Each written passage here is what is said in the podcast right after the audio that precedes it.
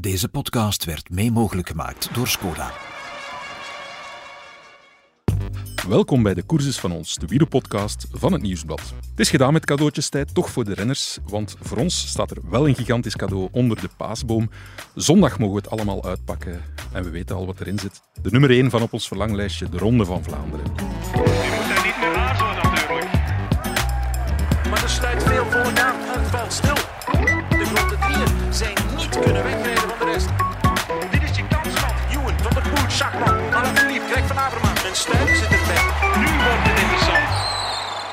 En we gaan beginnen met eens te luisteren hoe de Ronde van Vlaanderen vorig jaar is gegaan.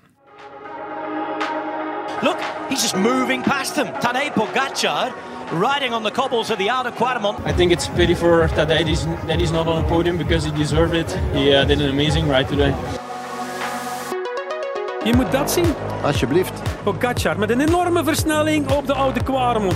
Yeah, for me was one of, uh, one of the strongest, maybe the strongest man in the race, especially last time Quaremont and Pater was really on the limit for me. He's gone from the back of the group to the front, and only Asgreen can follow. This is incredible from Pogacar.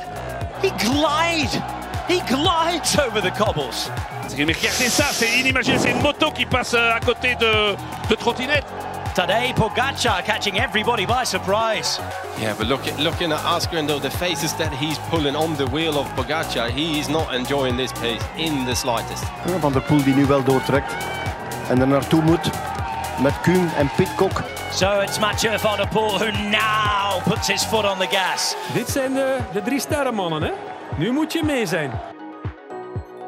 Twee Nederlanders, Van der Poel en eh, Van Baarle.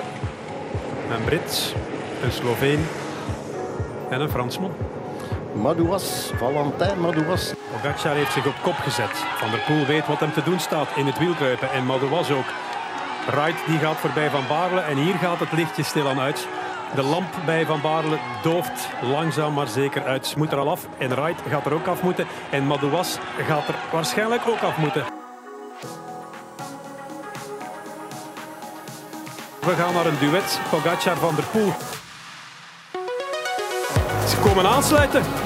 Ze komen aansluiten. Madouas en Van Baarle komen aansluiten. Maar nu gaat Van der Poel aan. Nog even temporiseren. Moet van ver aangaan door de druk van achteruit. Van der Poel valt stil. Madouas of Van Baarle gaat Madouas hier de ronde van Vlaanderen winnen. Nog toch maar Van der Poel. Van der Poel op weg naar een tweede. Van der Poel moet nog even volhouden. Hij is bijna op de streep. En Van der Poel gaat voor de dubbel. Ik denk niet dat ik ooit al zo verzuurd bovenop de Pater ben gekomen. Ik stond echt uh, op het randje van lossen. Maar ik wist dat ik me daarover moest uh, hijsen. En dan uh, ja, heb je altijd nog een stukje om, om te bekomen tot de finish. Maar het heeft toch enorm veel zeer gedaan. Maar voor die sprint uh, heb ik me eigenlijk nog eens opgepept. Ik heb nog eens alles op alles gezet voor te winnen. En ik ben ongelooflijk blij dat dat lukt. Het gaat nu om de grote knikkers en dan is het aan de grote jongens in de koers zijn die met. Drie in deze podcaststudio heb ik er twee uitgenodigd. Wim Vos, chef wielrennen en een even gulle leider als Wout van Aert. Dag Michael. En dan Jan-Pieter de Vlieger, wielredacteur en een even sterke luitenant als Christophe Laporte. Dag Michael. Goed, uh, ja, we hebben weer een, een interessant Jumbo-weekje gehad. Jumbo-Visma heeft er sinds onze vorige podcast weer twee overwinningen bij gedaan. Uh, ja, moeten zij eigenlijk die Ronde van Vlaanderen nog winnen? Is het niet nu al geslaagd, dat uh, voorjaar, zonder uh, Ronde of zonder Parijs-Roubaix? Ja, geslaagd is het zonder meer. Als Ja? je vijf, denk ondertussen vijf eendagswedstrijden in Vlaanderen kan winnen. Ondertussen ook nog met Roglic en Vingegaard in Spanje en in Italië rittenwedstrijden wint. Dan mag er natuurlijk nog altijd iets bij komen, maar geslaagd is het sowieso, denk ik. Ik ben niet helemaal akkoord. Oh. Het is geslaagd, maar niet zonder meer. Ja. Als ze nu niet uh, de ronde of Parijs-Roubaix of Luik straks winnen, dan wordt er toch een kanttekening bij, Ja. bij geplaatst. Ja, ja Zeker ja. als je dat op voorhand zo de kers aangeeft. Van, ontbreekt toch een beetje hè, op de taart dan? Ja, sowieso. Het is super impressionant wat dat ze doen. Maar als je vooraf zegt van het gaat voor ons, of Van Aert zegt met zoveel woorden, het gaat om Ronde en Roubaix, en je wint die niet, dan kan je niet zeggen dat het zonder meer geslaagd is voor mij. Ja, ik denk als je kijkt naar Gent-Wevelgem, hoe dat ze die wedstrijd helemaal domineren, Ja, naar een het hand zetten. Gent-Wevelgem. Ja, ik weet, tegenwoordig zeggen ze van de Strade dat het zesde monument is. Tot twee, drie jaar geleden zeiden we dat van Gent-Wevelgem. Het is echt geen kleine wedstrijd, hè. zoals al die andere wedstrijden, omloop het nieuwsblad en dergelijke. Als je kijkt hoe dat ze die allemaal domineren.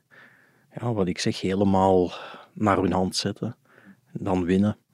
Ja, natuurlijk zou het nog veel mooier zijn mocht een Ronde van Vlaanderen of een Parijs-Roubaix bijkomen. Maar gaan we dan echt zeggen dat het seizoen of het voorjaar van Jumbo-Visma maar zo-zo was? Heel Nee, streng niet zeggen sowieso niet mislukt, maar ook niet geslaagd zonder meer. Ja. Het is een beetje zoals Real Madrid, die eh, twee prijzen winnen, de Europese Supercup en de Wereldbeker voor clubs. Hebben ze dan een geslaagd seizoen? Ik zeg nee. Voor mij wel, als we ondertussen ook de, de finale van de Champions League spelen. En zo hoeven ze niet te winnen voor mij. Ja. Snap je? Als je oh, en dat gaan ze wel doen. Ze gaan zich zondag tonen, ze gaan zich in de Roubaix tonen. Dus ja, voor mij moet je niet alles winnen om, eh, ja, om van een geslaagd voorjaar te spreken.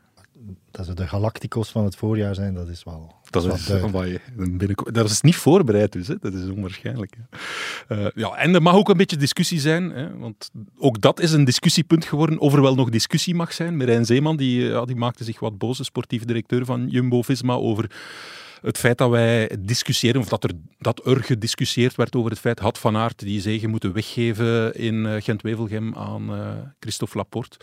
Ja, Ja, mag toch discussie zijn, nee? Vind ik ook, Ja. vind ik ook. Ik kan me dus als maatloos aan storen eigenlijk. Ja. Eerst en vooral, Marijn Zeeman moet vooral kunnen zeggen wat hij wil zeggen. Wout van Aert, idem dito, als hij in de Kamer wil zeggen dat hij juist niks moet, moet kunnen. Maar wat ik niet begrijp is dat analisten, en ik reken ons daar dan bij, dat wij niet meer zouden mogen de discussie voeren of het seizoen van Wout van Aert geslaagd is, al dan niet met Ronde van Vlaanderen of Roubaix, of eh, Van Aert die zegen mag weggeven aan Laporte. Ja, dat is net het wielrennen in Vlaanderen. Ik hoor Merlijn Zeeman dan op een bepaald moment zeggen van Vlaanderen moet anders leren omgaan met zijn vedetten. Ja, waarom? Waarvoor? Mhm. De, de, de wielercultuur in Vlaanderen is net, het is veel. Zijn die wedstrijden, is al het volk aan de kant, maar is ook de discussie die constant gevoerd wordt. En uiteraard praten mensen erover als Van Aert de zegen wegschenkt, dat mogen we toch zeggen, aan Laporte in Gent-Wevelgem. Is Niet meer dan logisch dat dat toch mensen het debat voeren, is dat slim, had hij dat moeten doen, zou hij dat, eh, had het niet beter anders gedaan, kan je een wedstrijd van dat kaliber zomaar weggeven? Ik, ik begrijp niet dat iemand in vraag stelt dat die discussie zo al dan niet mag gevoerd worden. Waarover moeten we dan nog praten aan de toog op café? Hè? Als, we, Ja. als we niet mogen discussiëren over eh, de sport. Dat klopt. We moeten ons niet associëren met, met toogpraat, maar ik vind dat ook dat dat heel erg ver gaat. De, de voetballers, daar, daarvan aanvaarden we precies dat die kritisch benaderd worden, omdat die dan zogezegd veel verdienen zonder dat ze veel voor moeten doen. Maar bij wielrenners, ja, alleen mogen enkel nog een soort eh, hagiografische stukken eh, verschijnen, precies. En alles wat dat ze doen is fantastisch. En ik vind, ja, Roger de Vlaming die dan zegt, Wout van Aert rijdt voor de verkeerde ploeg. Ik ben daar 100% niet mee akkoord. Ik, Ja. zie dat helemaal anders, maar het is toch niet ons, als krant kan je toch niet alleen maar de meningen publiceren waar dat je helemaal mee Ja. akkoord bent. Of, ik weet, Roger heeft recht op die, op die mening. En, ja, En iedereen het is een interessante discussie die inderdaad tot de conclusie kan leiden dat eh, Roger misschien alleen staat met die mening, whatever. Maar ja, ondertussen heb je ook wel argumenten waarom het niet zo, zo is gehoord. Vooral ook, ik, ik zie helemaal, hij wordt dan zogezegd te kritisch benaderd van Aert. Ja. Ik kan me geen enkel stuk, geen enkele quote herinneren die, die werkelijk kritisch is ten aanzien van Van Aert. Wat wordt er geopperd is, moet hij de Ronde van Vlaanderen, wordt het hoog tijd dat hij de Ronde van Vlaanderen voorbij wint. Niemand zegt, als hij in zijn hele carrière die twee wedstrijden niet zou winnen, dat zijn carrière mislukt is. Alleen, maar dat is eigenlijk een feitelijkheid voor mij, als hij ze niet wint, ja, dan ontbreekt er iets op dat palmares. Maar ik denk dat Van Aert, als hij eerlijk is met zichzelf, en ik denk dat hij Maar zelf ook al letterlijk toegegeven wel, heeft, eh, ja, zeker weten. dat hij er totaal mee, mee eens is. Dus waarover praten we? De, de- Ja. Niemand is kritisch ten aanzien van Van Aert. Dat is een beetje waarschijnlijk nu op dit moment ook wat de druk afhouden. En Ja, als hij de ronde wint, zal, zal er wel, eh, komt er misschien ja. wel weer een. Meestal kan hij daar wel goed mee, mee overweg. Maar Ja. ik vraag me af, zo, ik moet juist niks, hoe ver dat, dat spontaan is en in hoeverre dat voorbereid is. Want blijkbaar wordt die eh, zin nu al gebruikt in de kledinglijn en zo. Er Dus- was al een kledinglijn. eh, Ja, ja, ja, rond, dat van zijn eh, echtgenote, van. Sarah, de Bie. Maar ik denk dat hij daar wel over nadenkt van hoe kan ik dat nu met een kwinkslag een beetje tegengaan, dat sentiment van moet, moet, moet, moet. Ja. En dat vind ik dan wel handig gedaan van hem. Ah, wel, dat is goed gedaan toch? Ja, Van zeker, beide zeker. richtingen goed dat, dat uh, ja, wie was het, Tom Bonen en ook Dirk de Wolf het geopperd heeft. En goed dat er zo een, een antwoord met een kwinkslag, ik vind dat alleen maar goed. Doet mij denken aan een van mijn favoriete quotes over het wielrennen van uh, Thomas de Gent. Die zegt van, ja, als mij gevraagd wordt wat mijn job is in een beetje gezelschap dat niet koersminded is, dan zeg, zeg dat ik in de advertising business werk. Dat ik een content creator ben en dat als mijn content interessant genoeg is, dat die dan op tv komt en dat dat goed is voor het bedrijf, het bedrijf waar ik voor werk. En zo is het toch een beetje. Uiteindelijk gaat het niet vooral over ja, wedstrijden rijden en de fysieke inspanning, maar de verhalen er rond. En, en wij helpen daarbij. En Wout van Aert heeft dat eigenlijk, vind ik, goed begrepen. Van Aert zelf antwoordt daarop, maar met een kwinkslag. Niet op een, op een gepikeerde manier of zo. Dus ik vind het eigenlijk alleen maar fantastisch. Uh, ja. Wout gaat daar toch goed mee om, uh, Wim? Ja, dat vind ik wel. Ik, ik, heb een paar jaar geleden met hem zelfs eens een kleine discussie over gehad. Dat was na de oh, iets wat omstreden Gent-Wevelgem toen in het coronajaar. Het was in het najaar. En misschien dat sommigen zich nog herinneren, was zo'n beetje wat tijdens het dispuut tussen Van der Poel en Van Aert, ze reden op mekaars wiel en dergelijke. En ik had daar nadien een commentaarstuk over geschreven. Vraag me echt al niet meer wat ik precies geschreven had. In ieder geval, er was enige deining over op uh, sociale media en dergelijke. En um, het kwam erop neer dat ik daar toch ook een discussie met Van Aert over kreeg. Maar uh, ik heb hier sms'jes zelfs bijgehouden. Enfin, ik smijt nooit iets weg wat op mijn uh, iPhone staat. En ik heb het hier nog eens teruggevonden en het ging dan over had ik dat kunnen schrijven of niet. En dan antwoordde hij geen zorg Wim, smiley. Je schrijft wat je wil en ik zeg wat ik wil. Dikke, da dikke duim. Ik ben daar helemaal niet kwaad voor hoor. Dus ik denk ook niet dat Wout zelf dat zich zo erg aantrekt. Misschien eerder zijn entourage of wat ik dan wel een klein beetje begrijp is, ja, als je die vraag over ga je uiteindelijk winnen voor de 93ste keer krijgt, dat ja, ook, soms wel eens op je zenuwen werkt, daar heb ik wel begrip voor. Maar uh, ja, was een beetje wat verongelijkt over de uitlatingen van Zeeman, die dan ook nog zei van Vlaanderen moet anders met zijn vedetten leren omgaan alsjeblieft. Ik heb jarenlang ook voetbaljournalistiek gedaan. Het was in de, de minder goede jaren van de Rode Duivels, waardoor ik heel veel grote toernooien, echt vooral in het zog van Nederland zat. Ja, als één volk is dat kritisch is ten aanzien van zijn internationals, dan was het wel de Nederlanders. En hoe zij met hun vedetten omgegaan. En terecht, en dat mag allemaal, maar gaat ons in Vlaanderen dan niet de les leren? Dat vind ik een beetje Nu, het goede nieuws is, uh, 33,33% kans heeft Wout van Aert dat hij deze ronde van Vlaanderen gaat winnen. Want ja, er zijn nog, nog twee anderen, er zijn met drie eigenlijk, hè, die de 100% verdelen. Dat mogen we toch zeggen. Wout van Aert, Tadej Pogacar en uh, Mathieu van der Poel. Die drie. De vraag is alleen in welke volgorde. Wat denken jullie? Wie is jouw uh, favoriet? Ik zet mijn weinige centen op Mathieu van der Poel. Ja. Uh. Waar zet jij jouw... Uh, ja, je hoeft niet... Groot kapitaal. ja, uh, nee, ik zou eerder op, op Pogacar zetten. Maar natuurlijk, als je het zo scherp stelt, zoals dat jij het nu gesteld hebt, zou je altijd zien dat iemand anders is die wint. En kan natuurlijk Toch een beetje ook. schrik om jouw kapitaal ja, te verliezen. Je had misschien uh, meerdere paarden ook. ja. ja. Ik ga de verdediging voor Wout van Aert opnemen. Ik denk, uh, denk dat hij gaat winnen. Leg eens uit, Wim, waarom plaats jij Van der Poel dan toch nog net 0,1% boven de, de andere twee. Ja, ik zie een beetje een strijd tussen, ja, uiteraard drie renners, drie tenoren, maar ook een beetje tussen drie wijzes of manieren om de koers aan te pakken. Um, ik denk Jumbo-Visma, Van Aert, die gaan vooral de, de ja, numerieke overwicht. Zij hebben vier, als je van Ooidank meer rekent, zelfs ja, vijf renners die sterk, iets wat in stelling kunnen brengen. Um, dan heb je aan de andere kant Pogacar, de man die het volgens mij gaat moeten hebben van een man tegen man gevecht. Zijn ploeg van de drie, die drie renners die we net noemen, komt zijn ploeg het zwakst uit, denk ik. Ja. Trentin en was wel niet slecht in uh, dwars door Vlaanderen. Trentin was niet slecht in dwars door Vlaanderen. Ja. Wel eens. Uh. Bjerg is ook niet slecht. Ja.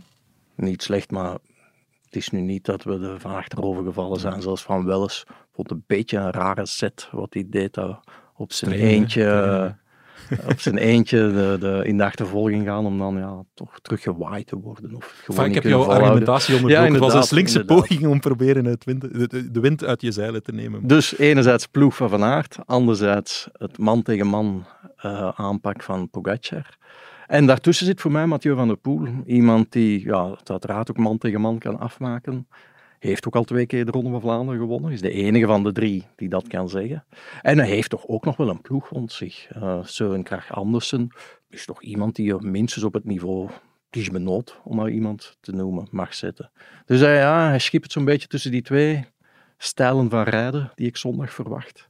Hm. En ja, hij heeft voor mij de meeste kans. En Pogacar kreeg hem ook niet af op de oude Quaremont in de E3. Hè? Want dat wordt een beetje het moment van Pogacar om proberen de anderen echt pijn te doen de eerste keer. Ook al stel dat het tot een spurt met drie komt. Ik weet, Van Aert heeft de laatste keer gewonnen, vorige week in de E3. Maar ik denk zelfs als je de statistieken erbij ja, dat zeker. ook daar Van der Poel Ja. de meeste kans heeft. Nu, dus een argument tegen Van der Poel, want Niels Verdijk, zijn trainingsmakker, heeft uitgelegd dat voor de twee edities van de Ronde van Vlaanderen die ze wonnen, dat ze een laatste lange training op de Oesterdam gingen doen. En nu eh, zit Mathieu in, in Spanje en dat trainingsritje gaat niet door kunnen gaan. Eh, Ni- Niels gaat wel de winegums, de befaamde winegums, die ze dan in altijd hetzelfde tankstation gingen kopen, gaat hij meebrengen. Maar wie, heeft er wel op de Oesterdam getraind, heb ik gezien op eh, social media? Nathan van Hooijdonk. Dus hou maar in de gaten. de Oesterdam. Pogacar heeft ook niet op de Oesterdam gereden, maar jij gelooft er toch nog in? Of ben jij nu door de argumenten van, van Wim Ja, helemaal goed, eh, eh, van je sokken geblazen? Goed betoog van Wim. Ja. Maar ehm, ja, waar dat Pogacar gereden heeft, dat weten we niet. Die eh, post alle, enkel zijn, zijn ritten op Strava, denk ik. Niet zozeer zijn trainingen. Maar we gaan ervan uit dat hij in Monaco verbleven heeft deze week. Ik denk, één, dat hij een veel selectievere finale heeft dan in E3. Het is vaak gezegd dat de Kwaarmond in E3 op, weet niet hoeveel, 35 plus van de meet ligt. In eh, de ronde is dat toch enigszins anders, waar je naar de Kwaarmond ook nog de pater hebt, waar je veel meer verschil kan maken. En ik denk dat zijn mindset eh, anders zal zijn. In E3 was hij nog een beetje nonchalant, zat hij voor de Taaienberg veel te ver, waardoor dat hij een groot nummer moest doen om alleen maar naar voren te komen. Ik kan een parallel maken met eh Dwars door Vlaanderen vorig jaar, waar dat hij daar ook qua positionering niet helemaal voor, voor elkaar had. En dan veel beter voor de dag kwam in de, in de ronde. Dus ja, ik denk dat hij zo zijn zinnen gezet heeft op de Ronde van Vlaanderen, dat voor hem E3 een beetje speeltuin, ontdekkingstocht was. En dat we een, heel, een veel meer gefocuste Pogacar gaan zien. En ja, het is de, de hongerigste renner sinds Eddy Merckx. Dus als hij ergens wil winnen, dan eh, krijgt hij dat meestal wel voor elkaar. Ja. En dan natuurlijk ja, de opeenvolging. Oh, de Quaremont, dat is een helling die hem ongelooflijk ligt. Wat hij daar kan doen, dan iedereen siddert en be- beeft. En als er nog twee kunnen volgen, zal het veel zijn. En dan komt, eh, komt de Paterberg, waar hij dan eventueel... Maar ja, het is dan wel nog 13, 14 kilometer naar Oudenaarde. Ja, hij, hij, hij moet het toch alleen doen, want het is nu toch gebleken in een spurt dat hij, dat hij, dat hij onvoldoende gewapend is om, Ja. om Van Aert en eh, Van der Poel te kloppen. We hebben altijd maar de laatste sprint als referentie, zo gezegd. Want voor, Ja, voor en E3 vorig zeiden we jaar in, in de ronde ook, ja. Ja, klopt, maar daar zat hij, zat hij ingesloten. In het interview met Sportza, dubbel interview met eh, Pogacar en zijn, eh, zijn vriendin Oestka, zei ze, ja, hij moet gewoon een beetje slimmer zijn op het einde, omdat hij hem daar inderdaad liet insluiten en zo. Maar eh, in, in Canada heeft hij nog eh, Van Aert geklopt, Pogacar. Denk, het is niet het meest wenselijke scenario voor hem, dat is heel duidelijk, maar het is ook niet dat hij kansloos is in, eh, Hmm. in de sprint. En ja, het cliché van na 260 kilometer eh helden de waardeverhoudingen niet meer in de sprint, dat klopt natuurlijk wel Hmm. ergens eh, dat Van der Poel zou verliezen van Asgreen. Had niemand behalve Asgreen eh, zelf Ja. ook, ook vooraf ingeschat. Maar wat wel opvalt is dat hij nog nooit een vlekkeloze wedstrijd heeft gereden in Ja, Vlaanderen. klopt, ja. Bewijst zelfs nog die dwars door Vlaanderen. Vorig jaar in eh, de Ronde van Vlaanderen, ehm, ik citeer eh, Nick Nuyers die ik deze week sprak, en hij zei van ja, ik was inderdaad immens onder de indruk van hoe hij de Quaremont opreed. Maar ik was even fameus onder de indruk van hoe hij als een beginneling ziet, liet ringeloren in de spurt tegen Van der Poel en Madouas die dan kwamen aansluiten. Ehm, en dan inderdaad ook vorige week E3, Taaienberg veel te ver, mist dan ook nog eens een beetje knullig toch een bocht. Die fouten zullen wel allemaal uit moeten, wil hij Ja. ja, is echt wel meedoen voor de de grootste zege. foute marge van, van het peloton. Ja, dat is wel waar. Hij Ja. kan zich een foutje permitteren, bijvoorbeeld ook in de E3. Eh, ja. En jij sprak met eh, de Volder, Wim, en die zei ook, want dat is misschien wel nog interessant, eh, GP zegt van, ja, hij zal zich nu wel niet laten verrassen, hij zal gefocust zijn, maar waarom zou die fout zich niet kunnen herhalen? Want jij sprak met de Volder en die, die gaf ergens aan, de start in Brugge, dat zorgt Ja. wel voor een, een zenuwachtige aanloop. Jawel, de Volder heeft, ehm, ik schrok er zelf van, 18 keer de Ronde van Vlaanderen. Dus 18 jaar prof geweest en in nooit één editie gemist. Amai. En twee gewonnen trouwens. Ja, Eh, ja. Niet geheel terzijde. En ehm, hij heeft inderdaad heel veel edities, heeft alle mogelijke edities gereden. Nog de, de zeges waren op de muur, eh, Bosberg, parcours nog. Nadien heeft hij ook nog het ondertussen ook al wat minder nieuwe parcours gereden.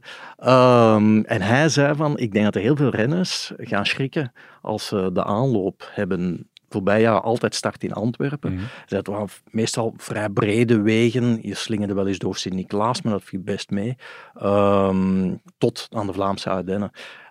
Terwijl vanuit Brugge rij je voortdurend door allerlei kleine dorpjes. Hij zei, daar zit het peloton zo op een lint. Er zit soms ja, meer dan een halve kilometer tussen de eerste en de laatste in het peloton.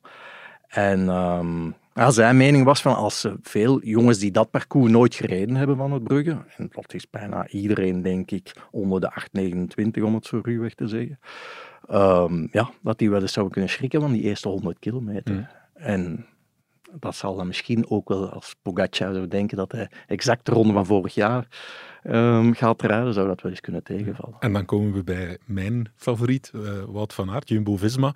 Ja, die zouden daar misschien wel al eens een eh, bommetje kunnen gooien. Ik las nu in L'Equipe fantastisch verhaal met eh, Christophe Laporte, die vertelde dat de tactiek wordt doorgestuurd op voorhand op eh, 2 à 3 pdf'en, echt, krijgen ze dat. En, en echt heel uitgekiend, dat zij echt een plan hebben iedere keer, zelfs een plan A, B, C, allerlei scenario's. En bij elke renner staat daar uitgelegd van wat de taak is. En ik denk dat zij dat numeriek overwicht niet gaan gebruiken om met zoveel mogelijk renners in de finale te komen, maar dat ze vooral gaan proberen om een scenario te creëren. Zij weten ook wat, wat jullie zeggen, de argumenten waarom Van der Poel of, of Pogacar zou kunnen winnen, die kennen zij ook. En dat zij daar nu iets gaan tegenover eh, proberen te stellen. En natuurlijk, ja, je kan, je kan zeggen, ja, je kan wel plannen, maar, maar zij hebben ook wel nog eens eh, de paardenkracht om, om een plan ten uitvoer te brengen. En ik geloof toch dat, dat we ergens een, ja, een onverwachte wending, dat zij op een of andere manier de koers gaan dynamiteren, dat, dat, dat ja, Pogacar, Van der Poel, ik zeg niet dat ze in de finale er niet zullen bij zijn, maar dat ze toch iets gaan moeten rechtzetten. Dat, ja, ik geloof daar wel in. De Dat er op de pdf ergens eh, iets, iets gaat staan. De recente jaren leren toch dat het uiteindelijk altijd man tegen man wordt in de Ja. Ronde van Vlaanderen. Wat ze natuurlijk wel zullen proberen doen met dat numerieke overwicht, is ervoor te zorgen dat, zolang het niet moet, Van Aert ja, zoveel mogelijk zich in het wiel kan zetten van Van der Poel, bij wijze van spreken. Ehm, en dat andere renners het gewicht van de koers zullen dragen. En dat hij, laatste keer Quaremont, dat lijkt me wel het... eh, daar zal het op zijn minst al moeten gebeuren. Ehm, dat hij pas in die late fase van de ronde het gewicht van de koers gaat moeten dragen.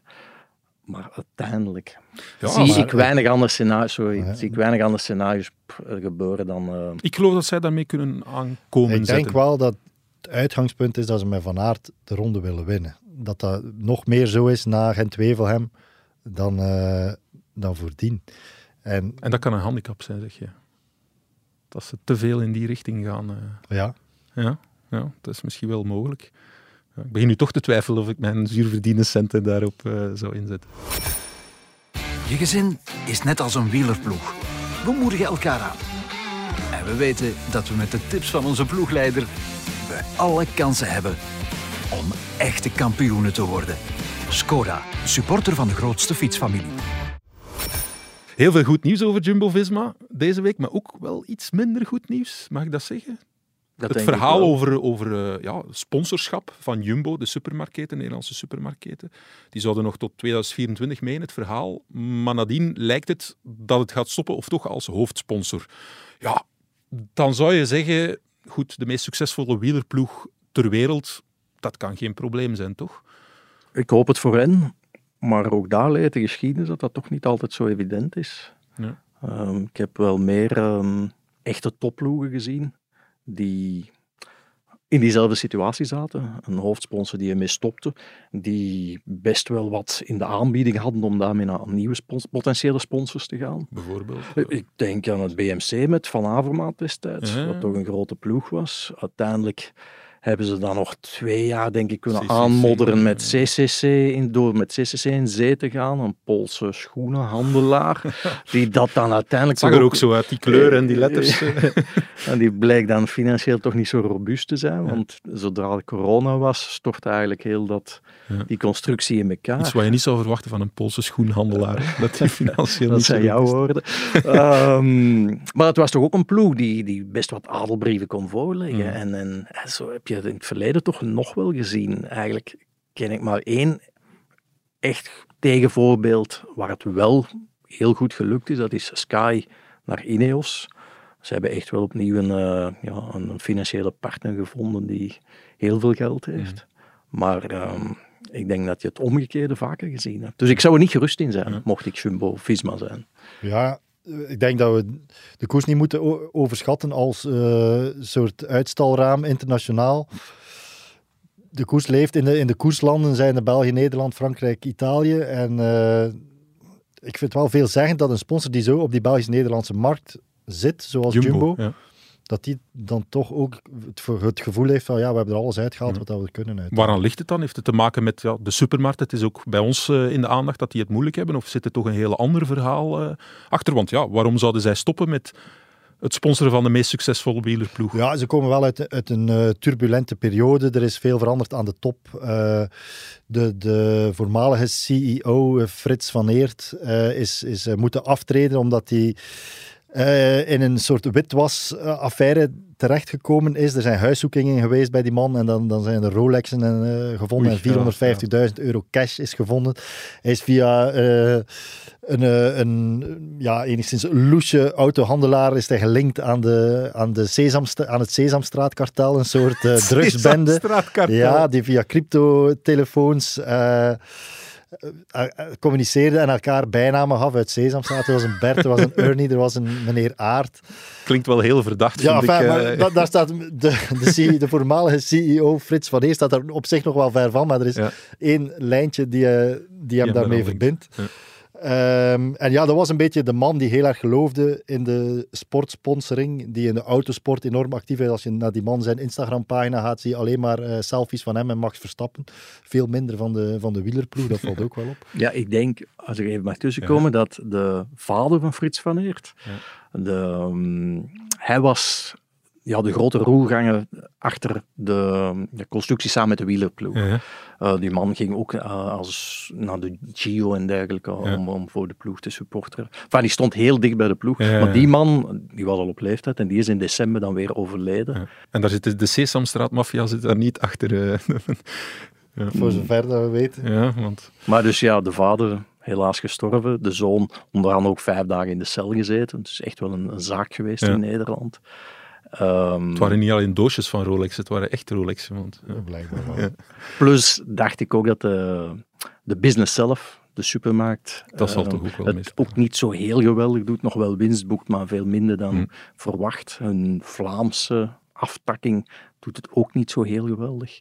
En dus stond al wel een tijdje in de sterren geschreven dat, uh, ja, dat de supermarktketens een sportsponsoring wel eens flink zou kunnen gaan afbouwen in de toekomst. Ja. Tom Bonen, die kende Frits van Eert heel goed. Ik denk Karel van Eert was voor iedereen meneer van Eert. En Tom Bonen mocht over Frits van Eert zeggen. Fritske. Ah, Fritske. Ja, die kenden elkaar uit dat kan zeggen, de rallywereld. Ja. ja, de man had zelf denk ik vijf keer Parijs-Dakar uh, Parijs Parijs uh, ja, hij was gereden. onsuccesvol. Hij heeft nog wel een Nederlands kampioen geweest in een of andere aftakking van de rallysport die mij compleet onbekend is. Maar... De concurrenten waren geïntimideerd door de Sesamstraat-mafia misschien om uh, wat gas terug te nemen. ik zat toch ook twee keer nadenken voor ik hem binnenhaal. Maar die sponsoring, dus van heel dat ja. uh, motto- en auto-wereldje waar ik helemaal niks van ken, maar dat is al eerder stopgezet. Ja. Dus uh, wat ik zeg, het zat er wel aan te komen dat er ook in het wielrennen iets ging gebeuren. Maar dus eigenlijk de, de twee mensen die die, die sportsponsoring ook vanuit een soort sympathie gekoppeld aan business die daar naartoe gestapt zijn, die zijn eigenlijk weg bij Jumbo. En dan zegt men nu van, tja, ja, tabula rasa, we gaan toch eens kijken, moeten we dat hier wel blijven verder doen enzovoort. Zo dat is eigenlijk het geval. Zo is het, ja. ja. En ja, Richard Plugge ging ervan uit dat ze wel een meer internationale speler zouden vinden, maar zoveel grote multinationals uh, zijn er voorlopig niet in, de, in de koers. Ja. Nee, en we kunnen verwijzen naar Patrick Lefevre, een man die toch ook geen onsuccesvolle wielerploeg heeft, al twintig jaar lang. En ja, tel elke keer als hij op zoek moet naar een nieuwe sponsor. Ja, één, hij geeft dat zelf toe, dat dat vreselijk moeilijk is. Dat internationaal hij hetzelfde eigenlijk partners vindt. Uiteindelijk plooit hij dan terug op zijn West-Vlaamse kennissencircuit, denk ik dat we zo het mogen noemen. Hij heeft een tijd mensen onder de arm genomen die specifiek ja, lijntjes uitlegden en op commissie werkten daarvoor. Dat is ook blijkbaar nooit... Die waarschijnlijk meer internationaal gingen ja, kijken. Ja, die gingen en, specifiek Midden-Oosten en zo, maar ja. daar is dan nooit... Wel, het uh... Midden-Oosten is voor, uh, voor Jumbo-Visma niet nog een of andere Emiraat die wil sponsoren. Ik weet niet, Kuwait, Qatar... denk dat ze bijna allemaal uitverkocht zijn. eh. maar ook dat is geen goed teken. Als je kijkt naar de ploegen die het laatste jaar wat opgang hebben gemaakt. Pagrijn is gelinkt aan, ja, een, een- aan het regime ginder. Ehm, UAE, hetzelfde verhaal. Checo, de Australische Alula, ploeg. Checo Alula. Alula is ook een regio in Saoedi-Arabië waar ze mee in zee zijn gegaan. Ja, het is toch Israël niet een grote... Nation, ja, ja, ook. Tijdens de Tour de France waren zelfs protesten eh, tegen die ploeg. Ja.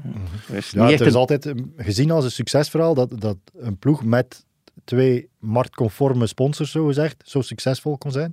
Dus het zou mooi zijn moesten ze dat in stand kunnen houden. Ja, het is een beetje het verhaal van, van alle tijden. Hè. Ploegen die op zoek gaan naar sponsors en dan bij, bij vreemde sponsoren Dat terechtkomen. ook. Dat ook. Ik denk dat je een dik boek kan schrijven met de verhalen van vreemde sponsors, spooksponsors ook. Ehm, Heb jij in je bibliotheek daar ergens een boek staan? wel een ja, omdat je altijd heel vriendelijk vraagt. Ook nog ergens een oude koe liggen, Ja, of, eh. Michael. Dat is de chef oude koeien. Maar het is inderdaad zo. Ik, ik, ja, toen je me dat naar vroeg gisteren, eh, moest ik denken aan een verhaal van Erik Leman. Niet toevallig een man die drie keer de Ronde van Vlaanderen heeft gewonnen, begin jaren 70. Toen echt wel een, een grootheid in de Vlaamse wielen. En in 1975 kwam hij terecht in een ploeg die Alsaver heette. Een ploeg. Alsa- dat was een sponsor ook, Alsaver. En ehm, best een ploeg met heel veel ambitie. Toen het feit alleen al dat je een drievoudig winnaar van de Ronde van Vlaanderen aantrekt. Lomme Drieses zou sportdirecteur worden. Een man die Ook een grote naam. met Merks gewerkt had, met Koppie gewerkt had. Of, ah, voor de heel oude luisteraars kennen ongetwijfeld Lomme Drieses. Ehm, en die ja, ploeg startte met heel veel ambitie, ging de Ronde van Vlaanderen winnen, ging eh, schitteren in de Tour.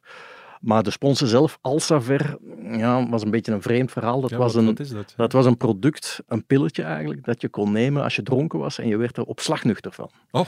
Ja, en daar werd Hoe ook- kan dat geen succes zijn, zou Ja. ik zeggen? Ik weet niet dat je ooit... eh, ik ben zelf een groot liefhebber van de Kiekeboe-strips. en uh, dat is een bepaald album, de Pili Pili Pillen. De Pili Pili Ja, en waarbij zo'n des Hazes Constantinopel bij toeval een, een, een pilletje ontdekt, uh, waarbij je, ja, je neemt dat, er kwam een soort van, zo gaat het in stripverhaal, een vlam uit je mond. En uh, je was op slag nuchter. Enfin, een geweldig gat in de markt natuurlijk. Ja. Um, maar dat stripverhaal, of het verhaal van dat stripverhaal, was in 1975, dus leek werkelijkheid te zijn. Het pilletje heette Alsaver, kwam ook, het was een beetje onbestemd, een, een Zwitsers Liechtensteinse uh, limonadefabrikant die het had ontwikkeld. Enfin, ja. maar ze gingen um, een topwielenploeg sponsoren. Ging ook de eerste anderhalve maand best goed. Een geweldig luxueuze stage ergens in het zuiden. Maar na twee maanden kwamen de eerste wetenschappelijke berichten dat ja, dat pilletje toch niet zo fameus goed werkte. Zeggen, ja. Gingen ook een paar lab labo's zich erop werpen. Bleek dan eigenlijk gewoon wat glucose of druivensuiker te zijn. Heel snel bleek dan ook de business erachter ja, een, een lege doos te zijn. Of een lang verhaal heel kort te maken. Um, na drie maanden was het verhaal uit. Um, was het, uh, de fabrikant failliet. En was ook, zat ook de wielenploeg met Erik Leman. Met een, ze zaten met een kater. Ja, chung ching voor de woordspeling. um, en ja, de wielenploeg was, het was eind mei denk ik, en uh, de wielenploeg was verdwenen. Samen met het pilletje. Ja. Voilà. Alsa... Ik toch even uh, aan Alsaver denken als je op zoek gaat ja, naar Ik heb later nog wel eens aan Erik Leman gevraagd van ja, heb je dat dan ooit eens niet getest, dat pilletje, of dat dat überhaupt wel werkte? Waarop hij zei van Wim, ik heb in heel mijn leven misschien twee bakken bier gedronken. Hoe kon ik nu testen dat dat werkte of niet? Dus in de kladversie van het artikel dat je mij doorgestuurd hebt, stond ook dat bij de pilletjes, dat er dan ook een, een blaastuitje, want in die periode waren de alcoholtests ja, ja. nog niet zo oud in België. Het was eigenlijk een beetje een, een reactie daarop. Hè. Plots waren er alcoholcontroles ja, van dat is een pilletje. En dat er een blaaspijpje bij zat om, de, klopt, om te testen klopt. op alcohol, maar dat het blaaspijpje ook niet werkte natuurlijk. de alcoholcontroles bestond toen een jaar of acht. Ik denk als je tien doosjes kocht, dan kreeg je een gratis blaaspijpje erbij. Ja, Klopt. Ja, en dat blaas, blies altijd negatief, maar ja, bon. Maar het ding zag er best wel professioneel uit. Hè. Mooie, wat zilver-oranje kleurige doosjes en dergelijke. Dat was ook de kleur van de truitjes van de wielerploeg. Ja. Dus ze hadden echt wel hun best gedaan, maar het bleek uh, één grote lege doos. Ja. Zeg, ja, we hebben het hier over die drie renners gehad, maar zijn er toch nog andere renners? Ik denk, de eerste aan, aan wie ik denk is Julian Alaphilippe. En ik kijk naar jou, want je hebt hem gesproken, hè, GP? Ja, klopt. Um, ik heb hem uh, dinsdag geïnterviewd. Het ging niet zozeer over zijn vorm en zo, maar uh, op het einde gaf hij wel aan dat, hij er toch in geloofde. Ik vond wel dat hij strijdbaar klonk. Ik had dat niet zo ingeschat vooraf. hij vertelde een beetje dat hij uit eh, een aantal moeilijke seizoenen komt. 2020 dan een, jaar van uiterste geweest was, waarin, dat hij, eh, ja, waarin dat er COVID was, wat hem bij uitstek voor hem een hele beproeving geweest is, omdat iemand is die graag uitbreekt en eh, die wordt dan plots gedwongen om binnen te zitten. Zijn vader is overleden dat jaar. Dan op het einde van het jaar eh, werd hij wereldkampioen. Had hij dan ook nog zijn, eh, zijn huidige vrouw Marion Roes leren kennen. Dus dat was uitschieters hoog en laag. En dat hij daar heel lang over gedaan heeft om dat te verwerken, fysiek en mentaal, zei hij. Maar hij vo- voelde zich dit seizoen wel klaar om dat, om dat te tonen dat dat gelukt was. Maar ja, dan, nu waren er ook weer een beetje ziek geworden dan eh, voor Sanremo, ziek geworden voor eh, E3. Eh, en dan eh, in, de, in eh, dwars door Vlaanderen ook weer mechanische problemen. Dus heeft het nog niet kunnen tonen, maar er zou, fysiek zou hij wel in orde zijn. Ja. Ja, Patrick Lefevre gelooft ook dat er wel wat beterschap is. Hij heeft zo de, de, het oude principe fare fatigue, of hoe heet het? Het, al koersend beter worden toegepast. Is zelfs nog gaan bijtrainen eh na dwars door Vlaanderen. Maar ja, ik heb toch het gevoel... Wat, wat ik ook vreemd vind, maar hij heeft natuurlijk vorig seizoen ook... En dat zegt hij ook wel ergens, ik denk in een interview met L'Equipe, dat, dat zijn basis van vorig seizoen heel smal is. Want bijvoorbeeld, Christophe Laporte vertelde ook dat hij begin maart nog ziek geweest is. Vijf, zes dagen Ja, ja, die heeft niet kunnen rijden heeft. Ja, super dus- weinig koersdagen. Heel ja, voilà. Dus, en bij hem lukt het dan wel. En bij Alaphilippe, de minste ziekte is blijkbaar genoeg om, om problemen te hebben. Ja. Ja, nu, ze straalt ook een beetje uit Quickstep momenteel. Ja. Soudal Quickstep moeten we zeggen. Ehm, het is ook niet helemaal nieuw. Ik stond afgelopen winter bij, laten we zeggen, iemand, Iemand. van eh, ja, Stond de bij entourage van de, van de ploeg. En daar Ja. besefte men toen eigenlijk al van, ja, zij weten ook hoe dat Van Aert van de Poel en Pogacar als die in topvorm zijn, hebben zij gewoon niemand die zich daarmee kan meten. Ook Alaphilippe niet meer heeft dat gekund, maar dan spreek ik over een periode van drie, vier jaar.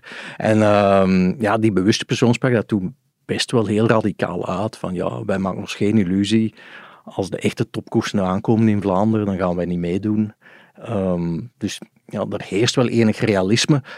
Alleen krijg je nu soms een beetje het gevoel dat wat naar fatalisme overslaat. Als ik ze zag rijden in Gent-Wevelgem, dat was toch niet echt het quickstep zoals wij ze kennen. Eh, ook chaotisch koersen. Ehm Lampa die dat dan heel vroeg kop van het peloton zit te rijden. Op een gegeven moment is ze dan richting Tweede Kemmelberg, dacht ik.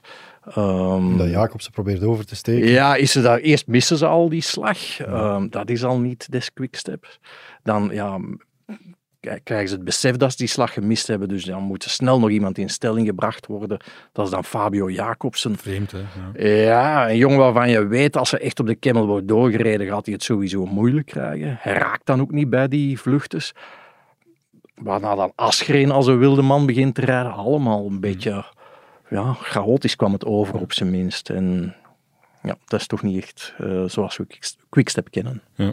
ja, Askreen, wat is daarmee? Die is twee jaar geleden de ronde nog gewonnen. Dat kan toch niet weg zijn? Denk je dan? Eh, nee, maar die eh, heeft natuurlijk acht maanden of zo niet gekoerst. Ja. Die is volgens mij een knieblessure gehad in aanloop Ja. naar de Tour. Er alles aan gedaan om die Tour met start in eh, eigen land te kunnen rijden. En daar een beetje over de schreef gegaan en er niet meer van hersteld. En de ploeg heeft dan eh, beslist van kijk, de rest van het seizoen eh, investeren we in volgend jaar. Maar de investering loont nog niet echt op dit Hmm. moment. Lander, onze fantastische stagiair, die heeft wel nog een dark horse gevonden voor de Ronde van Vlaanderen. We gaan even luisteren. Hij was in dwars door Vlaanderen vooruit. Alexander Christophe. Very strong ride today, uh, 150 kilometers in the front, and the peloton had a very hard time catching you. Did you feel strong? felt good and uh, also uh, this Movistar I don't uh, who was with uh, the name of the other guy he was even stronger than me I think uh, but in the final I felt good but then when we got caught there was a bit too much up and down in pace and yeah I'm a heavy guy so when I had to stop and sprint and stop and sprint many times it kills my legs so I was a bit cooked and yeah for the final the big group catches I had nothing there to do but uh, but yeah it was a good day up front But was this the plan to, to have such a long uh, early break? Not really, but uh, there was uh, some comment on the meeting yesterday that uh, yeah, well, you don't try to go in the break. So okay, I try one time and I go. Was this the ultimate training for Flanders? I hope so. Is it true that you have a special connection with Flanders? That you, as a uh, amateur, rode to cobbles before the peloton came? That's true. Yeah, I remember when I was a junior, uh, not even amateur. We uh, we were here for Kermis races uh, to prepare and. Looking the race, so he was in the course up front. Are you looking out for Sunday? Yeah, I hope I have good legs, but of course uh, it's uh, to follow the best riders. I don't expect it. Uh, they are at a different level, but maybe we can fight for a top 10 uh, if you have a good day. Maybe another breakaway? we'll see. okay, best of luck. Thank you. Ja, de Spaanse renner, de Baskische renner waar uh, Alexander Christophe het over had, was Oyer Lascano. Hè. Een beetje revelatie, een beetje ja, fantastisch om te zien zijn enthousiasme ook. Uh. Ja, Alexander Christophe, 35 jaar, maar verdorie zeg, hoe, hoe sterk reed hij ook alweer. En dan ja, vorig jaar in de Scheldeprijs ook een sterk nummer opgevoerd. Die zou zomaar podiumplaats, bijvoorbeeld als het niet één van die drie is, zou zomaar kunnen, hè, Alexander Christophe. Ja, zeker, zeker. Als er gesprint wordt in een groepje dan is hij zeker kandidaat om, om dat te winnen. Echt uh, chapeau. Ik dacht vorig jaar toen hij bij Intermarché tekende van ja, die gaat uh, uitbollen nog een pensioenprojectje. Dat was al helemaal niet waar. Heeft hij nog de Scheldeprijs uh, gewonnen voor hen. Dat nu bij Uno X dacht ik een beetje wegkapitein spelen bij, bij de jonge gasten. Maar het toont zich dan nu ook uh, opnieuw echt uh, chapeau. Ja. Vierde in de omloop het nieuwsblad ook. Dat zegt ja, toch ook al iets. Helemaal geen haspin. Hij verzorgt zich nog goed, hoewel ja, jij ben me toch een beetje nee, Ik vind uh, vooral dat ik vind een fantastische rennen. Ook uh, iemand die altijd voor een verhaal zorgt, zoals hij vorig jaar als sprinter toch de Scheldeprijs solo wint. Um, maar ja, het is helemaal geen nieuw verhaal. Maar als ik hem gisteren daar zag rijden, je ziet dat met al die andere vluchters helemaal afgetraind. Die, die overgang aan de buik naar de, naar, naar de, de benen, dat is allemaal strak afgeleid. Ja, ik zeg het is geen nieuw verhaal, maar dan zie je bij hem ja, een, een, een, een baakje, een baakje, een, een, een vetplooi, ik weet niet hoe ik het moet noemen, Michael. Maar het is, uh, ja, op dat vlak is het toch ook nog altijd iemand, een speciale of een aparte renner, vind ja. ik. Maar het blijkt aerodynamisch te zijn. Hè? Nee, een, een Ja, buik ja. blijkt aerodynamisch te zijn. Maar bijvoorbeeld Frank Schleck die heeft ooit in een tijdrit in de Tour, toen de UCI daar nog minder eh, op toezag, een soort van ja, waterpack op zijn buik gedragen, omdat dat blijkbaar twee seconden per kilometer zou, zou schelen. Eh, dus misschien is dat het geheim net van Alexander Christophe. Ik heb het hem ooit een keer gevraagd. eh, en je, dat- hebt, je, hebt daar, je, je bent niet in de problemen gekomen met die nee, vraag. nee, maar bij Christophe kunnen niet in de problemen komen. Nee? Met Ah, oké. Ah, ja, hoogstwaarschijnlijk wel, maar niet, Niet, niet daarmee. Het ligt gevoelig bij hem. Eh, maar hij zei, ja, dat is een soort optisch bedrog. Hij weet dat hij die indruk wekt en dat het lijkt alsof dat hij een beetje te dik staat. Maar dat- Het is de tv die hem breder maakt. Ja, die hem, camera's, eh, de camera's. Ja, nu, ik heb hem ooit eens gevraagd, dat was een verhaal dat al langer circuleerde in het peloton, ehm, dat hij tijdens de Tour op een rustdag wel eens een McDonald's binnenliep. En hij bevestigde dat toen toch, dat dat inderdaad al wel eens gebeurd was. Zag je allemaal geen graten in. Ja, Mooi verhaal. Ja, mooi verhaal. Het was ook een mooi verhaal na, na het openingsweekend, na Kuurne, Brussel, Kuurne. Enfin, mooi. Uh, uh, zijn ploegmakker, die was uh, gevallen. Ook een stevige kerel, mogen we wel zeggen. En blijkbaar op weg terug naar huis sliepen ze in een hotelletje dat de ploeg geboekt had met een twee. er was in die kamer maar één bed. En niet alleen één bed, maar ook één laken. En uh, ja, Weirenskjöld was, was echt helemaal, uh, lag helemaal open. En dan moesten ze met twee big guys in een veel te klein bed met één deken slapen. En blijkbaar hebben ze alle twee geen oog dicht gegaan. Weirenskjöld omdat hij ja, last had van de brede Christophe naast zich. En Christophe omdat hij, omdat hij schrik had om uh, aan te raken. Bon. Lijkt mij een fantastisch beeld om die twee, die twee beren zo in een heel klein bedje te zien liggen. Nu, toen ik die rennen zag gisteren, dacht ik, Ja, dacht ik daadwerkelijk dat misschien wel eens aan de kledij zou kunnen. uh, dat, dat Christophe zo'n beetje dik lijkt. Want ook uh, Weirenskjöld, die reed in die groep achter de koplopers. En ook daar zag ik een beetje een vetplootje zitten. Ja. Dus ja, misschien. Zullen de truitjes zijn?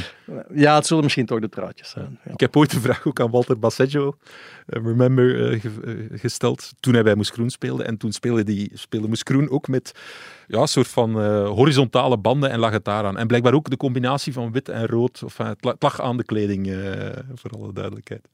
Goed, les excuses sont faits pour s'y servir, zegt, sans servir, sans servir, zegt uh, Patrick Lefevre altijd. Ja, zal wat me wel opviel, Michael, toch een beetje ernstiger, um, is dat iemand zoals Christophe zich ook al neerlegt bij het feit Van ja, het zal niet Ja. voor mij zijn. Ah, Dat kan ik nog wel begrijpen. Hij is toch een wat ouder renner. Maar hij, hij gaat er ook vanuit dat een van die drie de Ronde van Vlaanderen gaat winnen. Ja. En dat is toch echt wel een, een, iets wat je...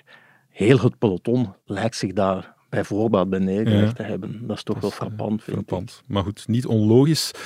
We gaan over naar onze rubriek, want zelfs in deze week waarin wij alleen maar uitkijken naar de Ronde van Vlaanderen, willen wij toch weten hoe dat het met Remco Evenepoel is. Maar we gaan naar Werner bellen en uiteraard gaan we het vooral hebben ook over de vrouwenkoers, de vrouwenronde van Vlaanderen en Lotte Kopecky. De week van Remco Evenepoel. Ziezo Werner, ja, jij bent er vroeg bij. Jij zit nu al in Oudenaarde, eh, Werner.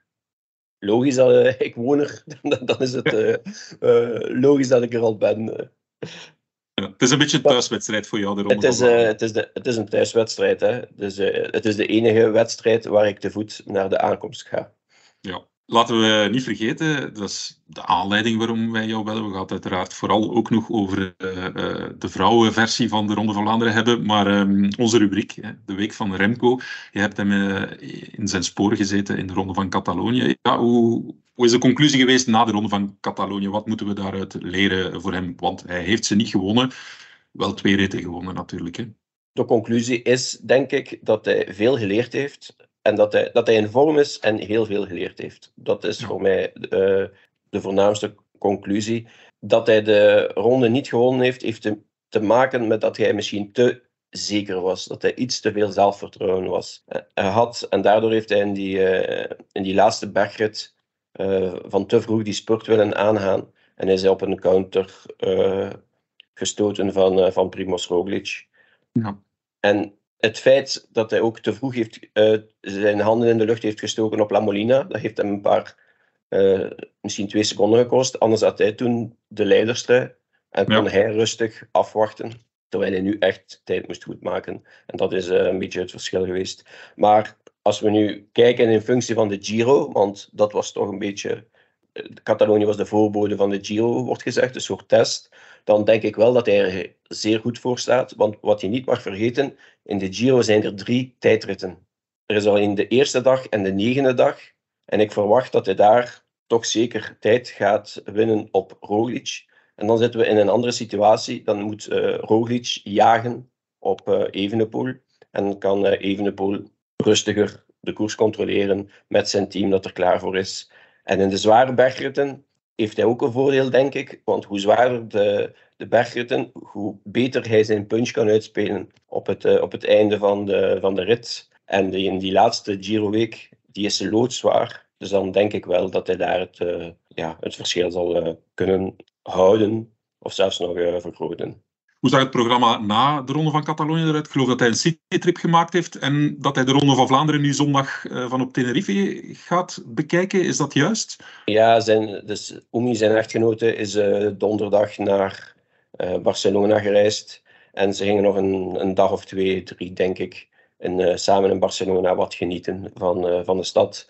En donderdag vertrok hij opnieuw naar, naar de tijden voor een eh, hoogtestage van, eh, van... Dus vandaag eigenlijk, ja. Ja, van meer dan twee weken ging hij eh, opnieuw met Ilan van Wilder en Louis Vervaken daar twee weken vertoeven. ja. Dus vandaar hopelijk is er tv-ontvangst daarboven, kan hij naar de ronde kijken en zijn ploegmaats aanmoedigen, hoewel ik denk dat het vooral niet ploegmaats aanmoedigen zal zijn of genieten van hun verrichtingen.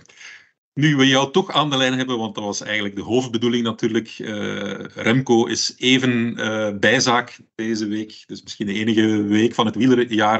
Het is natuurlijk ronde van Vlaanderen. Hè. Bent onze specialist vrouwenwielrennen. Ja, en in, in het vrouwenwielrennen is misschien nog straffer of eh, is er een nog dominantere ploeg dan in het mannenwielrennen.